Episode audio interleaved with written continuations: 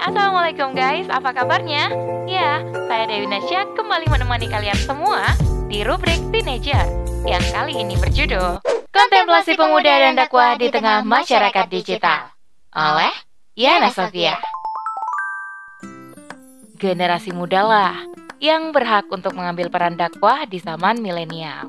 Membuka tabir kepalsuan kapitalisme yang dipuja, sekaligus memahamkan umat tentang solusi Islam, yakni satu-satunya jalan menuju kebangkitan. Selengkapnya jangan ke mana-mana ya guys. Tetap pantengin terus podcast Narasi Pos Media. Narasi Pos, cerdas dalam literasi media, bijak menangkap peristiwa kunci. Guys, masalah yang dihadapi umat hari ini sudah sangat kompleks dan serius loh. Entah itu korupsi, kesenjangan sosial, ekonomi, ataupun kasus disintegrasi.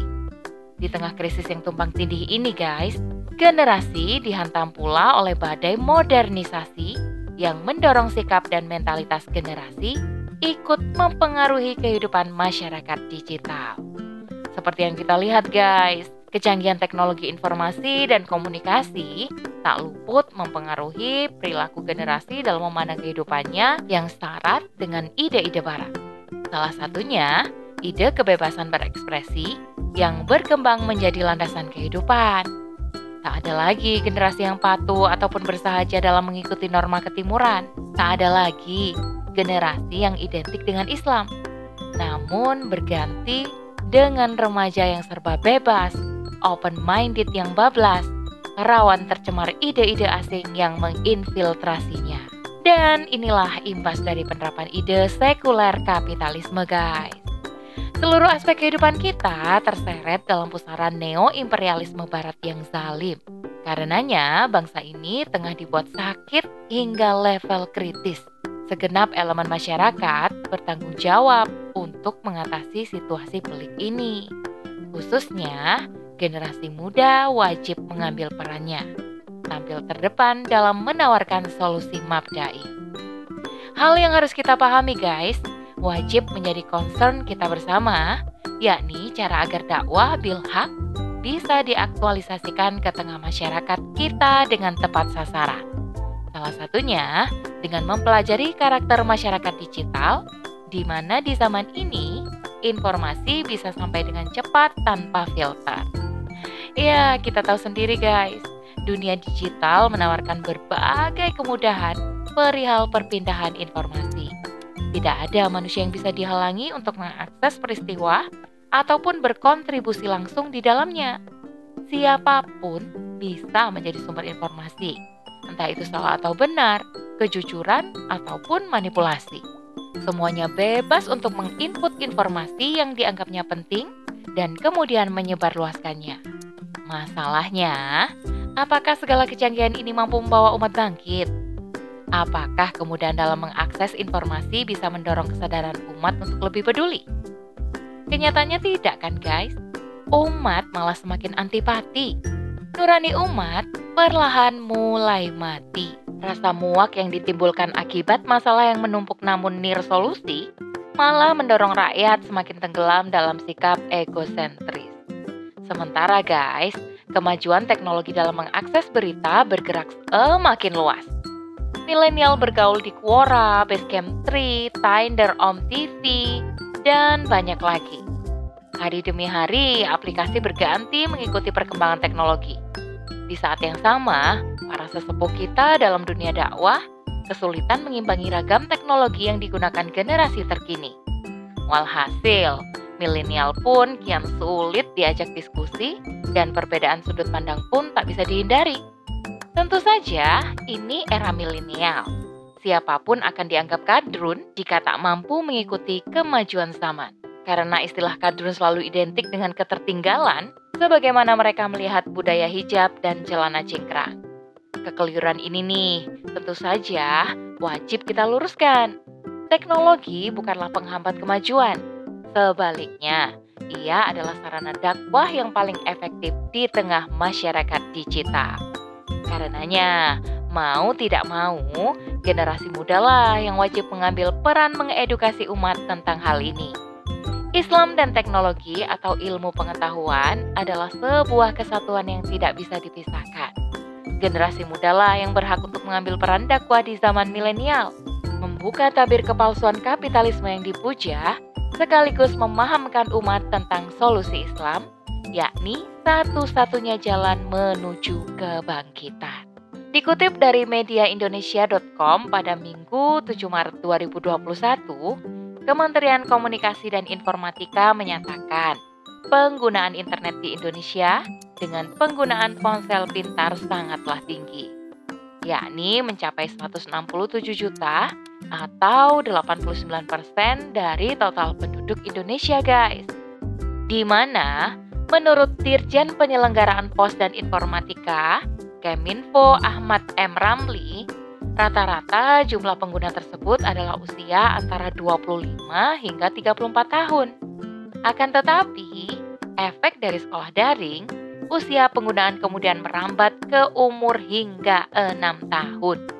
Sebagaimana yang kita saksikan guys, pengaruh negatif gadget berupa teknologi digital tidak bisa dianggap sepele. Jangan lupakan, Kemajuan ini membawa pengaruh buruk bagi karakter umat berbangsa yang semakin liberal. Bahkan Keminfo menyatakan saat ini Indonesia ditempatkan sebagai negara dengan tingkat kesopanan terendah pengguna internet di Asia Tenggara.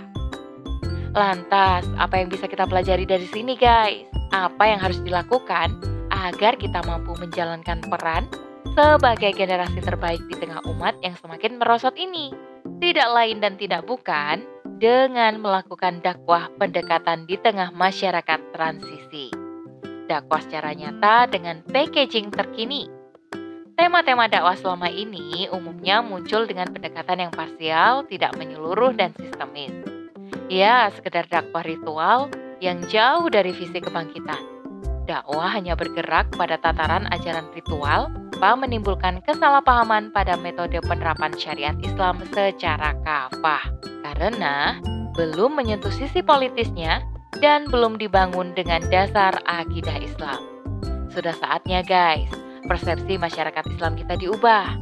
Dakwah bukan hanya kegiatan menyampaikan ajaran Islam secara lisan, tetapi juga dakwah bil kolam, tulisan, bahkan dengan dakwah bil hal.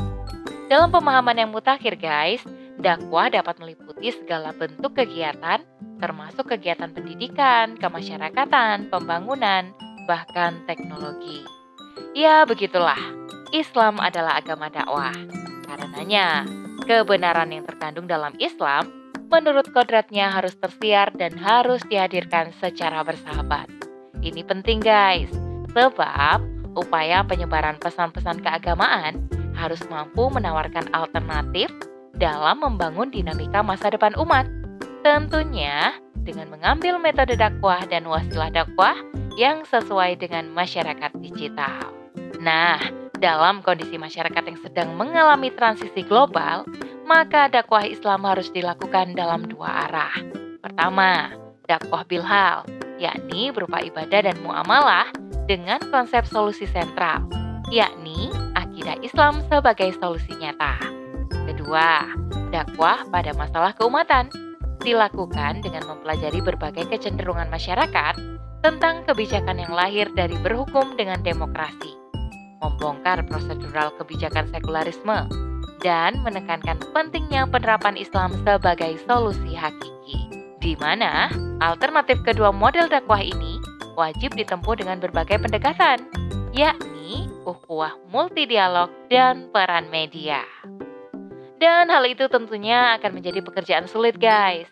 Jika generasi muda tidak mampu memahami kondisi umat dengan mengimbangi teknologi terkini, kita akan kebingungan memilih uslub bahkan memahami alternatif pendekatan dakwah yang paling cocok untuk membuka jalan masuknya ide-ide Islam. Karenanya guys, sudah menjadi tugas kita untuk senantiasa mengupgrade diri, baik dalam meningkatkan sakofa, literasi, dan memahami teknologi yang digunakan untuk berkomunikasi dan berinteraksi dengan sesama. Ingat ya guys, manusia adalah makhluk sosial dan merupakan satu-satunya ciptaan Allah yang paling baik dan tinggi kedudukannya dibandingkan dengan makhluk lainnya di dunia. Karenanya, pasti mampu untuk memaksimalkan perannya sebagai manusia terbaik di bumi. Sebagaimana firman Allah Subhanahu wa taala di dalam surah At-Tin ayat 4. Sungguh, kami telah menciptakan manusia dalam bentuk yang sebaik-baiknya. Karena Allah telah menciptakan kita sebagai makhluk yang paling sempurna, maka sudah menjadi tugas kita untuk mewujudkan predikat tersebut di tengah kehidupan yang bobrok ini baik fisik, mental, spiritual, maupun intelektual. Memahami konsep dakwah media digital adalah salah satunya, yakni untuk menjalankan fungsi sebagai manusia terbaik tersebut. Dan demi mengintensifikasikan peran mengembalikan Islam ke tengah kehidupan, yang dengannya mampu menyongsong kebangkitan yang hakiki. Jika generasi muda kebingungan mengaktualisasikan perannya, nyaman di posisi amannya, merasa cukup dengan kemampuan ala kadar, dan merasa tak perlu mengupgrade dirinya, maka siapa yang akan mengambil peran ini guys? Siapa yang akan memahamkan umat akan gentingnya problematik yang dihadapi dan pentingnya menegakkan solusi syari guys? Nah, dakwah adalah aktivitas tertinggi, tugas mulia yang diserukan oleh Robul Izati, yakni untuk meneruskan tugas Rasul dan Nabi. Itulah sebabnya Hamlut dakwah pantas memperoleh kemuliaan dan pahala yang besar dari Allah. Allah memuji para penyeru dakwah ini dalam firman-Nya, Dan siapakah yang lebih baik perkataannya daripada orang-orang yang menyeru kepada Allah, mengerjakan amal yang saleh dan berkata, Sesungguhnya aku termasuk orang-orang yang berserah diri. Quran Surah Al-Fusilat ayat 33. Rasulullah SAW menempuh banyak cara untuk mendakwahkan Islam, baik sebelum tegak daulah Islam ataupun saat daulah Islam tegak di Madinah. Rasul melakukan apa pun demi meninggikan kalam ilahi, termasuk dakwah pada kabilah dagang. Hal ini hingga membuka peluang dakwah lewat berbagai perjanjian, baik itu berdakwah secara lisan ataupun tulisan. Karenanya, sudah semestinya kita menjadikan Rasulullah teladan baik dalam dakwah ini. Melakukan segala upaya sampai titik darah penghabisan, bukan malah menjadikan dakwah sebagai aktivitas sampingan, diabaikan, bahkan ditinggalkan. Karenanya guys, dakwah adalah kewajiban. Maka meneladani penghulu dakwah yakni Rasulullah dan para sahabatnya adalah satu-satunya pilihan agar kita bertahan di tengah krisis multidimensi dan derasnya arus liberalisasi. Dakwah melawan ide sekuler kapitalisme ini sejatinya adalah perang dan berada di kancah peperangan ini memerlukan senjata berupa iman dan tekad berupa keseriusan dalam upaya mengoptimalkan kekuatan dakwah melalui media digital. Kita bisa menjadi kreator dakwah sesuai bidang kemampuan yang tentunya digali dan diasah sehingga menjadi profesional. Insya Allah kita bisa guys. Semua itu demi menyongsong kebangkitan Islam, yakni kemenangan yang telah Allah janjikan. Wallahu a'lam bisawab. Segitu dulu ya guys, rubrik teenager kali ini. Sampai bertemu di rubrik teenager selanjutnya. Saya Dewi Nasya kundur diri. Afu minkum. Wassalamualaikum warahmatullahi wabarakatuh. See you.